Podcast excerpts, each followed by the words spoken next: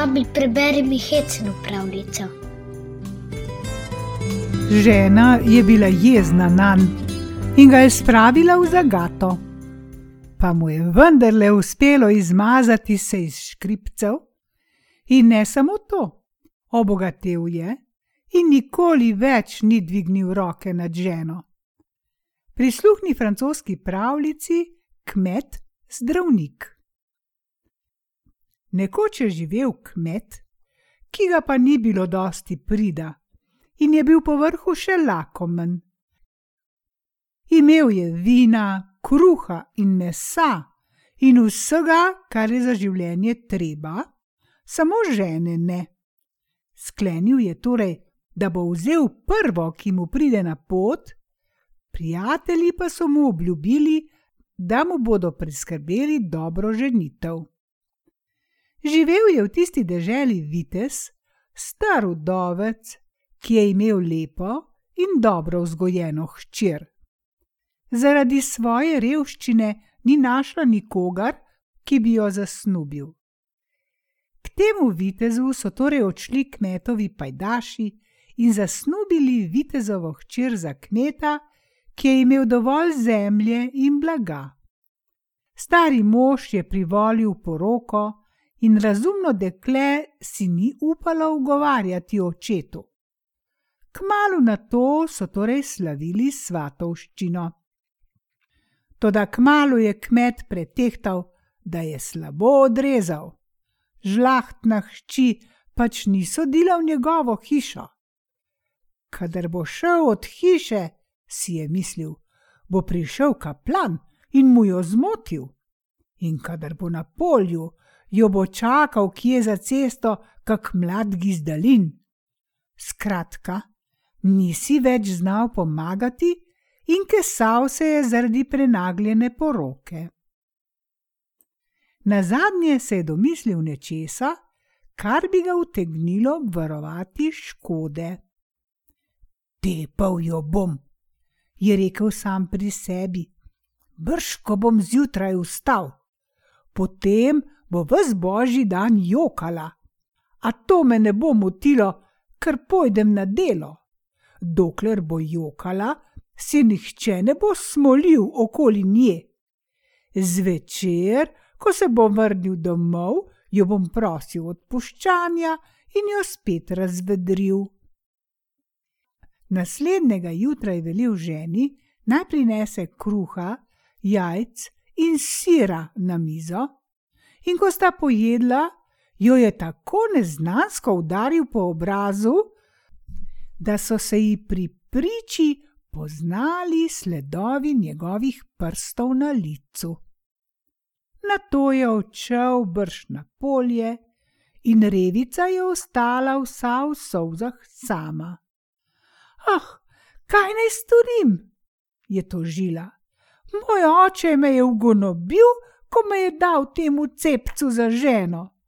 Ah, zakaj je moja mati tako zgodaj umrla? Ves dan se ni dala potolažiti, in ljudje, ki so se oglašali na obisk, so se na pragu obračali. Jokala je, dokler ni sonce zašlo. Tedaj se je kmet vrnil. Padel je pred ženo na kolena in jo prosil odpuščanja. Obljubljam ti, da te nikoli več ne bom tepel, hudoba me je zapeljala. Gospa mu je naposled odpustila in mu prinesla večerjo, na to pa sta šla pomirjena spat. Drugega jutra se je kmet spet odpravil na polje, poprej pa je ženo spet krepko mahnil in jo potegnil za lase. Ah, saj ne ve, kako to boli, je tožila žena, sicer me ne bi tako pretepal.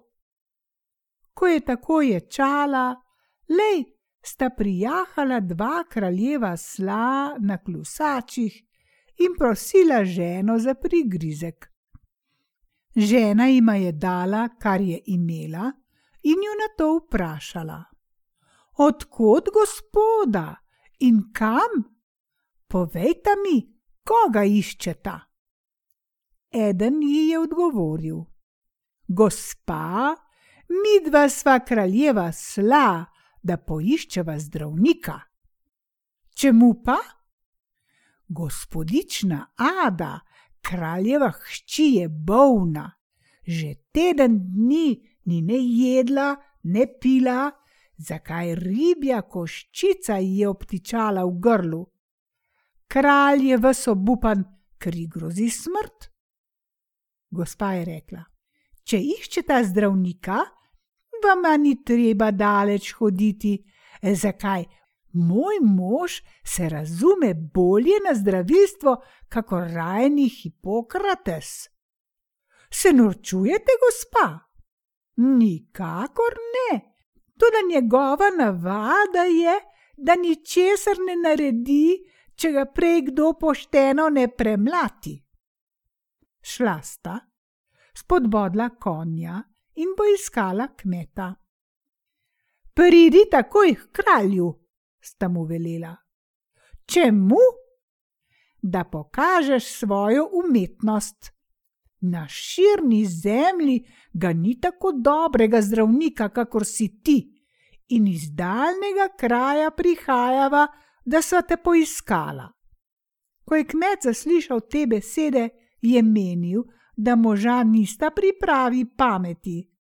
Je clav je, da se mu o zdravilstvu še sanja ne. Kaj pa še čakava? je rekel eden izmed slov saj si slišal, da mora biti tepen, preden se loti zdravljenja. Eden ga je torej kresnil po obrazu, drugi pa z debelo palico po hrbtu. Dobro sta ga zdelala in ga odvlekla na to pred kralja. Nista ničesar našla? ju je vprašal kralj. Pač, gospod, sta spregovorila oba hkrati in kmet se je začel tresti od strahu. Povedala sta kralju o imenitnih sposobnostih, ki da jih ima kmet, le da je samovoljen in trmast, ker da ne ustreže, za kar ga prosiš, če ga prej ne prebunkaš. Moj str, je rekel kralj našemu junaku. Poslal bom po hčer, da boš na njej pokazal svojo umetnost. Hudo jo je potrebna. Kmet je prosil milosti. Gospod, meni se o zdravilstvu še sanja ne. Čudno, je rekel kralj. Nabijte ga! Služabniki so planili na dreveža in z veseljem opravili naročilo svojega gospoda. Ko je kmet začutil batine, je zacvilil. Prav precej jo bomo zdravil. Bledo mladenko so privedli v dvorano in kmet je premišljal, kaj bi naredil, kako bi jo zdravil. Dobro je namreč vedel, da mu pojde za glavo, če mu zdravljenje ne uspe. Rekel je torej kralju: zakurite mi na odročnem kraju, pa boste videli, kaj bom počel. In če je božja volja, jo bomo zdravil. Kralj je dal takoj zakuriti, in mladenka je sedla zraven žrjavice na stol. Kmet pa je sedel ob ognju na tla, se slekel in se začel z dolgimi nohti praskati in krempljati. Pri tem je tako smešno vrtil tanke pajčje roke in se tako čudno kremžil, da je princeso premagal smeh in ji je med smehom ribja koščica zletela iz ust. Kmet se je brž spet oblekel, pobral koščico in jo pokazal kralju. Gospod, ozdravil sem jim hčer, naj pogledajo koščico. Kralj se je tega neznansko razveselil in rekel: Ti si mi nad vse drag, dobil boš zlata in oblek. Hvala, gospod, nič tega nočem, hočem samo brž domov. Tega pa ne, Ti boš moj telesni zdravnik in svetovalec. Milost, gospod, pri hiši ni bilo kruha, ko sem Davi odšel, v mlin moram. Kralj je poklical dva fanta. Premikastite ga, da bo ostal. Ko je kmet začutil udarce po rokah, nogah in plečih, je moledoval za usmiljenje. Sej bom ostal, samo pustite me. Kmet je moral torej ostati na dvoru. Ostrigli in obrili so ga, in dobil je škrlatno oblačilo. Ob ozdravljenju svoje hčere je priredil kralj veliko slavje, ki je nam povabil vse bolnike v deželi. Vsak je pripovedoval, kaj ga tare, in kralj je poklical kmeta. Mojster, ali slišiš? Poskrbi za te ljudi in mi jih ne mudoma ozdravi. Milost, gospod, preveč jih je, vseh hkrati ne morem. Kralj je pomigal fantinoma, ki sta brž segla po palicah, zakaj vedela sta že, kaj morata. Ko ju je kmet zagledal, da se mu bližata, se je začel tresti. Milost, milost, pri priči jih bomo zdravil. Kmet je dal spet nanositi drv in velel zakuriti sredi dvorane. Bovnike je zbral okoli ognja, kralju pa je dejal: Gospod, oni naj gredo dol in prav tako tisti, ki jim nič ne manjka. Ko je kralj s svojim spremstvom zapustil dvorano, je rekel kmet bolnikom: Gospodje, velika umetnost je vas ozdraviti. Zdaj bom izbral tistega izmed vas, ki je najbolj bolan, in ga v ognju sežgal. Z njegovim pepelom bom ozdravil vse druge. Kdor ga namreč užije, bo pri priči ozdravel. Tedaj so začeli bolniki ogledovati drug drugega, in ni ga bilo ne grbca, ne vodeničnika, ki bi bil priznal, da je najbolj bolan. Kmet se je obrnil na slepo do enega v gruči. Vidim, da si zelo slab, ti si brez dvoma najbolj bolan od vseh. Milost, gospod, jaz sem čisto zdrav. Čutim, da sem od dolge bolezni docela ozdravljen potem pa pojdi dol, kaj pa še iščeš tukaj?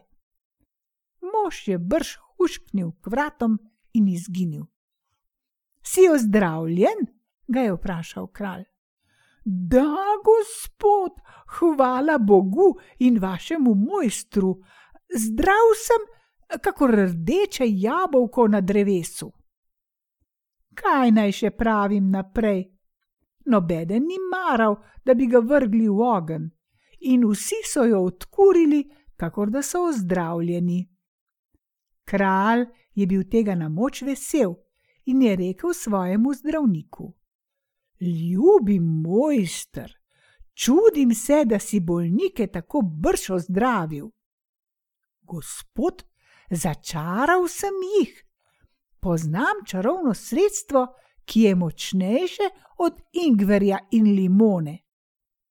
Kralj je rekel: Zdaj pa pojdi domov, če hočeš, in vzemi si zlata, kon in psov, kolikor te je volja. In kadar bom spet poslal pote, mi ustrezi.